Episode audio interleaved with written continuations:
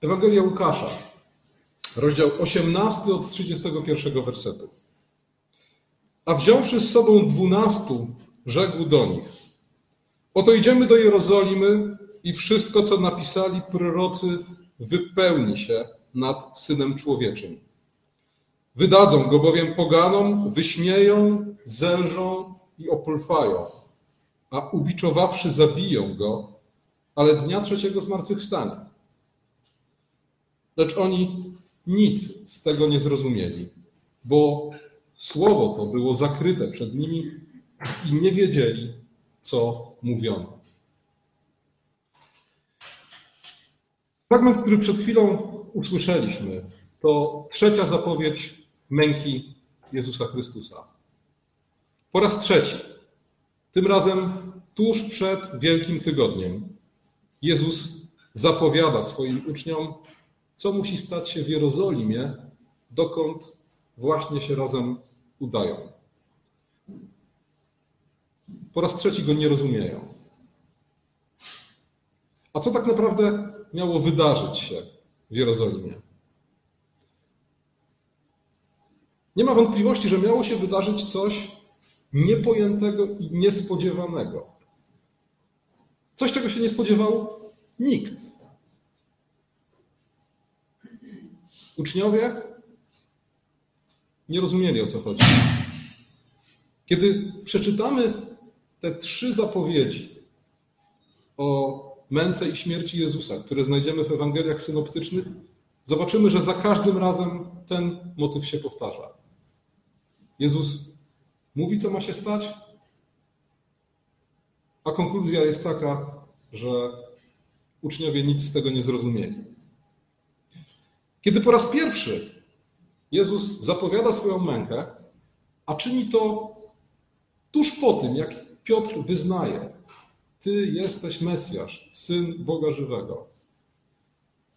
To chwilę później ten sam Piotr, słysząc o tym, co ma spotkać Jezusa, mówi: Panie, nigdy, nigdy się to nie stanie. Nigdy to na ciebie nie przyjdzie. Upomina Jezusa, aż Jezus musi w krótkich żołnierskich słowach przywołać go do porządku.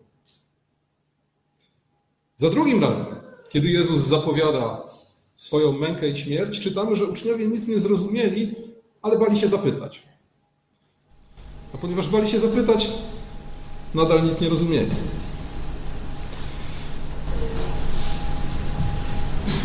Za trzecim razem było tak jak we fragmencie, który przed chwilą przeczytałem. Nic nie rozumieli, słowo było zakryte przed nimi. Później też nie rozumieli. W chwili śmierci opuścili swojego mistrza. Wygląda na to, że zmartwychwstanie było dla nich wielkim zaskoczeniem. Piotr powrócił do swojego zajęcia, do łowienia ryb.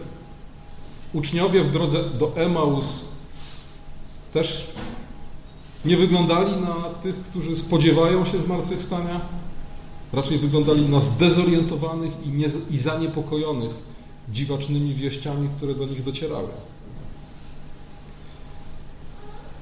Dodatkowo w kontekście tych zapowiedzi męki i śmierci Jezusa pojawiają się bardzo ciekawe sytuacje.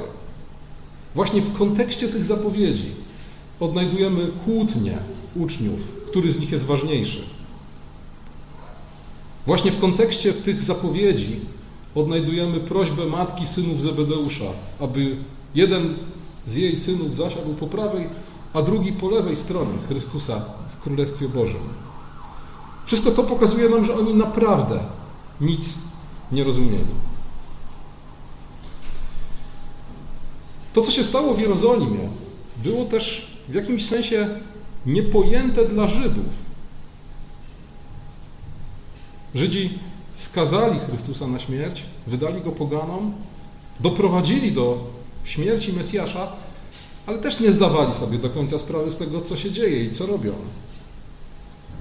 Kiedy Jezus modli się na krzyżu, Ewangelii Łukasza w 23 rozdziale, w 34 wersecie mówi Ojcze, przebacz im, bo nie wiedzą, co czynią.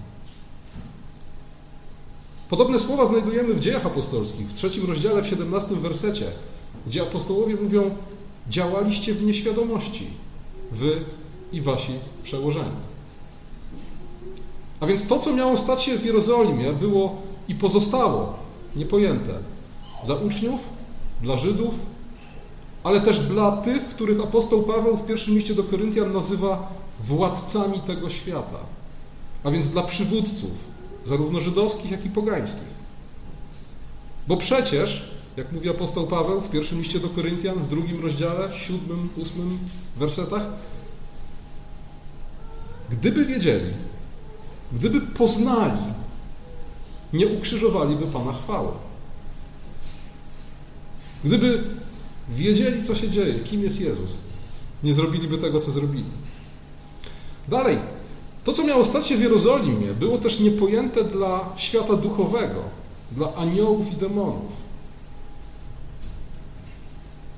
Tajemnica wcielenia, to, że Bóg stał się człowiekiem i że jako człowiek umarł na krzyżu.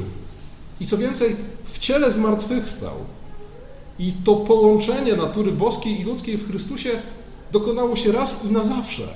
I nawet w wieczności nasz Pan Jezus Chrystus będzie człowiekiem. To jest coś absolutnie niepojętego dla istot będących duchami, czystymi duchami.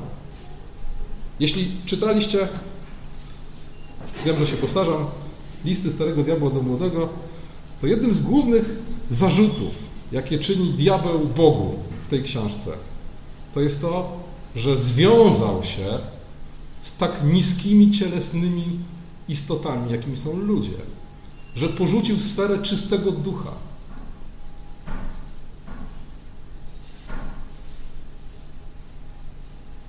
Bóg wcielony, Bóg odrzucony w ciele, Bóg upokorzony w ciele, w ciele umierający i w ciele powstający do nowego życia, jest z perspektywy świata duchowego czymś absolutnie niewyobrażalnym. Gdyby diabeł wiedział, do czego to wszystko zmierza, po co Jezus idzie do Jerozolimy, gdyby wiedział, jaki będzie ostateczny skutek męki i śmierci Chrystusa, raczej nie wstępowałby w Judasza, raczej nie podżegałby przywódców żydowskich do zabicia Jezusa, raczej robiłby wszystko, żeby temu zapobiec. Słuchajcie, fantastycznie oddał to C.S. Lewis w Narni. Jeśli pamiętacie scenę zabicia Aslana, kiedy Aslan przychodzi, żeby dobrowolnie dać się zabić za zdrajcę, za Edmunda.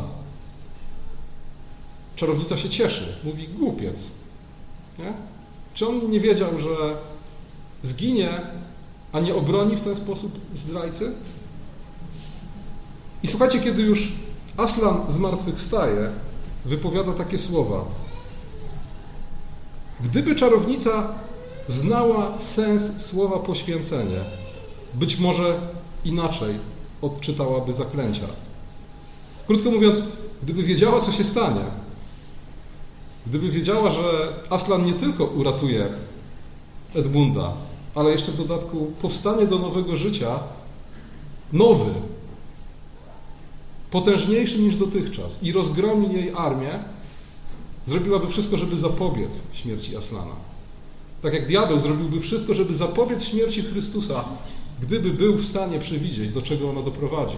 Ponieważ doprowadziła do tego, że został strącony z nieba, związany, a jego przeznaczeniem jest, jak czytamy w Księdze Objawienia, jezioro siarki i ognia. Ale jak Jacek Kowalski śpiewał w jednej ze swoich piosenek, szatan nie ma mądrości, jest tylko inteligentny. To, co się miało stać w Jerozolimie, było niepojęte i niespodziewane również z tego powodu, że wielkie bezprawie, okrutną krzywdę wyrządzano komuś, kto nikomu nie wyrządził zła. W dziejach apostolskich czytamy o Jezusie, że przeszedł przez życie dobrze czyniąc i uzdrawiając. Wiemy, że nie znaleziono kłamstwa w jego ustach, a jednak spotkało go to, co go spotkało. Kiedy Piotr powstrzymuje Jezusa i mówi: Panie, nigdy to na ciebie nie przyjdzie, Wygląda na to, że właśnie to ma na myśli, mówiąc: Panie, Ty jesteś dobry. Bóg Tobie błogosławi. Dlaczego miałoby spotkać Ciebie to wszystko? A co go spotkało? Tak jak czytaliśmy dzisiaj, wydali go poganom, wyśmiali, zelżyli, opluli i ubiczowawszy zabili. Zwróćcie uwagę na jedną rzecz. Wszystko, co spotkało Chrystusa, było absolutnym bezprawiem. Nawet gdyby przyjąć, że przywódcy żydowscy działali w przeświadczeniu, że mają do czynienia z bluźniercą, co powinni byli zrobić? Ukamieniować go. A więc nawet z perspektywy tego fałszywego założenia, to, co uczyniono z Jezusem na gruncie prawa mojżeszowego, nie było sprawiedliwym wyrokiem i sprawiedliwą karą. Nie miało nawet pozorów sprawiedliwości.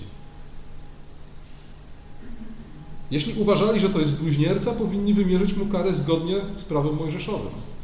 Podczas kiedy oni wydali sąd, wydali wyrok na Jezusa w nocy, co samo w sobie było sprzeczne z prawem mojżeszowym, a oprócz tego doprowadzili do tego, że brata, tego, który był ich bratem, Izraelitą, opluto, wyśmiano, zelżono, wydano poganom, co samo w sobie jest, jest niepojęte. Słuchajcie, hebrajskiego niewolnika nie wolno było sprzedać poganinowi.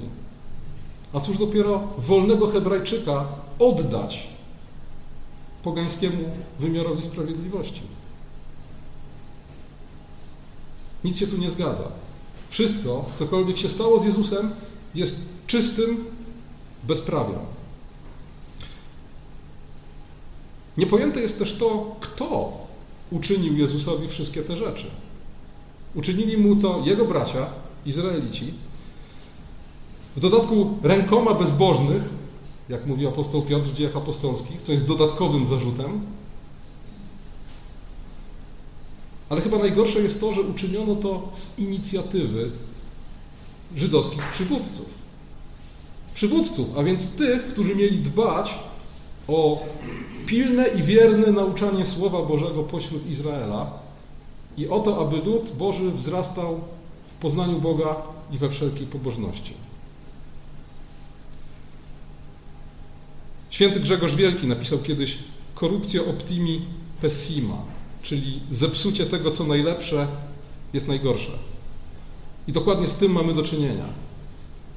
Najgorszą rzeczą jest zepsucie tego, co miało być najlepsze. Upadek tych, którzy mieli innych prowadzić do Boga. Kompletna niewiara tych, którzy mieli być nauczycielami wiary. Bezprawie w wykonaniu tych, którzy mieli strzec prawa. Ale słuchajcie, być może najbardziej niepojęte i nieoczekiwane w tym, co miało się wydarzyć w Jerozolimie, jest to, że wszystkie te wydarzenia, cały ten bezmiar niesprawiedliwości i krzywdy, w ostatecznym rozrachunku okazuje się być wypełnieniem proroctw. W ostatecznym rozrachunku okazuje się być wypełnieniem tego, co Bóg zamierzył. Bo przecież czytaliśmy, że Syn Człowieczy idzie do Jerozolimy. Czytaliśmy, że tam ma zostać opluty, zelżony, ubiczowany, wydany poganom i zabity, ale tak naprawdę Jezus mówi, po co idziemy do Jerozolimy? Po to, aby wszystko, co napisali prorocy o Synu Człowieczym, wypełniło się. W dziejach apostolskich w czwartym rozdziale, kiedy apostołowie są prześladowani ze względu na Ewangelię, którą głoszą, znajdujemy wspaniały fragment, który jest modlitwą apostoła Piotra. I w tej modlitwie czytamy: Panie, Ty, któryś stworzył niebo i ziemię, i morze, i wszystko, co w nich jest, któryś powiedział przez Ducha Świętego ustami ojca naszego Dawida, sługi Twego, czemu wzburzyły się narody, a ludy myślą o, o próżnych rzeczach? Powstali królowie ziemscy i książęta, zebrali się z połem przeciw Panu i przeciw Chrystusowi Jego. Zgromadzili się bowiem istotnie w tym mieście, w tym mieście przeciwko świętemu synowi Twemu Jezusowi, którego namaściłeś. Herod i Poncjusz Piłat z poganami i plemionami izraelskimi, aby uczynić wszystko, co Twoja ręka i Twój wyrok przedtem ustaliły, aby się stało. Mam nadzieję, że jeśli dotychczas nie kojarzyliście tego tekstu, to od dzisiaj śpiewając psalm drugi będziecie już wiedzieli, o czym śpiewacie tak naprawdę. Kiedy śpiewamy psalm drugi, czemu narody wciąż buntują się, to śpiewamy właśnie o tym, co stało się w Jerozolimie. Śpiewamy o tym, jak to Żydzi i poganie, Herod i Poncjusz Piłat, wszyscy razem zmówili się przeciwko Bogu i Jego pomazańcowi. I powiedzieli sobie, nie chcemy Boga, nie chcemy króla, którego On ustanowił. Zrzućmy z siebie ich kajdany, zrzućmy z siebie ich pęta. Właśnie ten psalm, psalm drugi, cytuję w czwartym rozdziale dziejów apostolskich apostoł Piotr. Ale jeśli pamiętacie dalszą część tego psalmu, to wiecie, jak Bóg reaguje na to, co mówią Herod, Piłat, Żydzi i poganie. Śmieje się z nich. Dlaczego? Bo jak czytamy w dziejach apostolskich, oni zebrali się po to, żeby pokrzyżować Bogu plany. Oni zebrali się po to, żeby usunąć Jezusa Chrystusa, który im z różnych powodów przeszkadzał, a na końcu okazało się, że robiąc to, co zrobili, tak naprawdę wypełnili co do joty to, co Bóg zapowiedział przez usta proroków, to, co Bóg zapowiedział w psalmach, w księdze Izajasza i w innych księgach Starego Testamentu. Zobaczcie, to pokazuje nam bezsilność zła. Bezsilność zła, która w pewnym momencie staje się wręcz karykaturalna. Zła czarownica zabija Aslana, bo co? Bo myśli, że w ten sposób zawładnie Narnią na wieki. Ale tak naprawdę co robi? Powołuje w jakimś sensie do życia nowego, lepszego Aslana, który ma więcej mocy i więcej chwały. Diabeł robi wszystko, żeby usunąć Jezusa Chrystusa. Ale co dostaje w zamian? Jezusa Chrystusa zmartwychwstałego. A to dopiero początek. Bo zmartwychwstały Jezus Chrystus jest początkiem zmartwychwstania ludzkości i świata. Jest początkiem odnowienia wszystkich rzeczy w Chrystusie. A więc właśnie tego, czemu diabeł starał się zapobiec. Cokolwiek robią ludzie źli. Niezależnie od tego, ile energii w to wkładają. Cokolwiek robi diabeł, niezależnie od tego, ile energii w to wkłada, jego dramat polega na tym, że ostatecznie cokolwiek zrobi, okaże się na końcu wypełnieniem Bożego planu. Bożego planu, którego ostatnim akcentem jest pokonanie grzechu i śmierci i wieczność, w której ani grzechu, ani jego konsekwencji już nie będzie.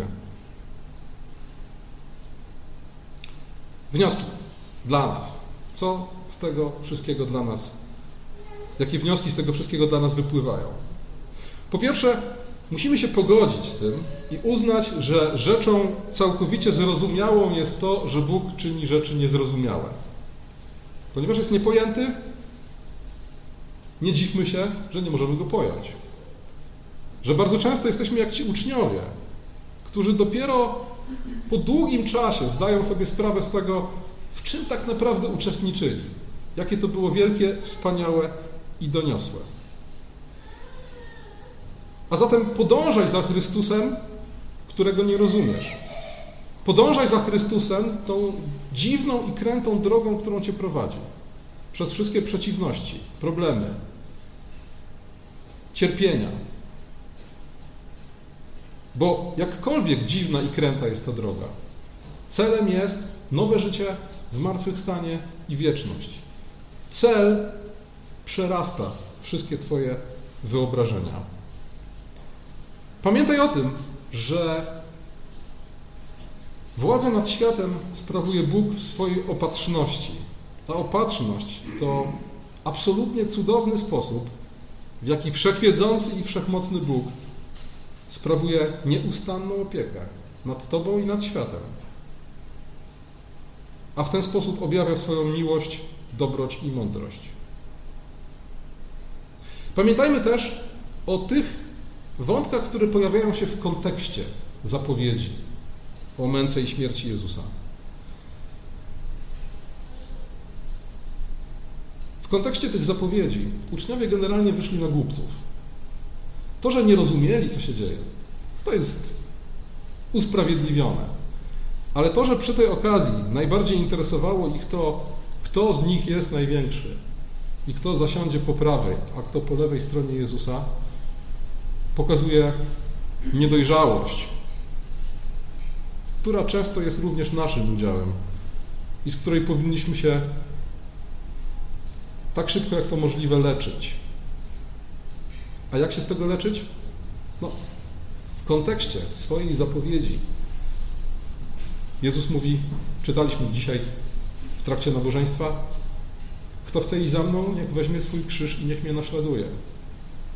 A więc w kontekście tego, co stało się z Jezusem, w kontekście drogi, którą nas prowadzi, której często nie rozumiemy, zamiast szukać chwały, winniśmy szukać tego, co nas prowadzi za Chrystusem krzyża i naśladowania. Na początku przeczytałem Wam tylko pierwszą część fragmentu z Ewangelii przeznaczonego na dzisiejszą niedzielę. Fragment przeznaczony na dzisiejszą niedzielę jest dłuższy. I oprócz tej zapowiedzi, trzeciej zapowiedzi męki i śmierci Chrystusa, zawiera w sobie też pewien epizod. Pozwólcie, że teraz na koniec ten epizod przeczytam. A gdy przybliżał się do Jericha, pewien ślepiec siedział przy drodze żebrząc. A gdy usłyszał, że tłum przychodzi, dowiadywał się, co się dzieje. Powiedzieli mu wtedy, że Jezus Nazareński przechodzi. I zaczął wołać: Jezusie, synu Dawidowy, zmiłuj się nade mną. A ci, którzy szli na przedzie, gromili go, by milczał. On zaś coraz głośniej wołał: Synu Dawidowy, zmiłuj się nade mną. Wtedy Jezus przystanął i kazał przyprowadzić go do siebie. A gdy ten się zbliżył, zapytał go, mówiąc: Co chcesz, abym ci uczynił? A on odrzekł: Panie, abym przejrzał. A Jezus rzekł do niego: Przejrzyj, Twoja wiara uzdrowiła cię. I zaraz odzyskał wzrok i szedł za nim, wielbiąc Boga. A cały lud, ujrzawszy to, oddał chwałę Bogu. Zobaczcie, mamy zderzenie dwóch postaw.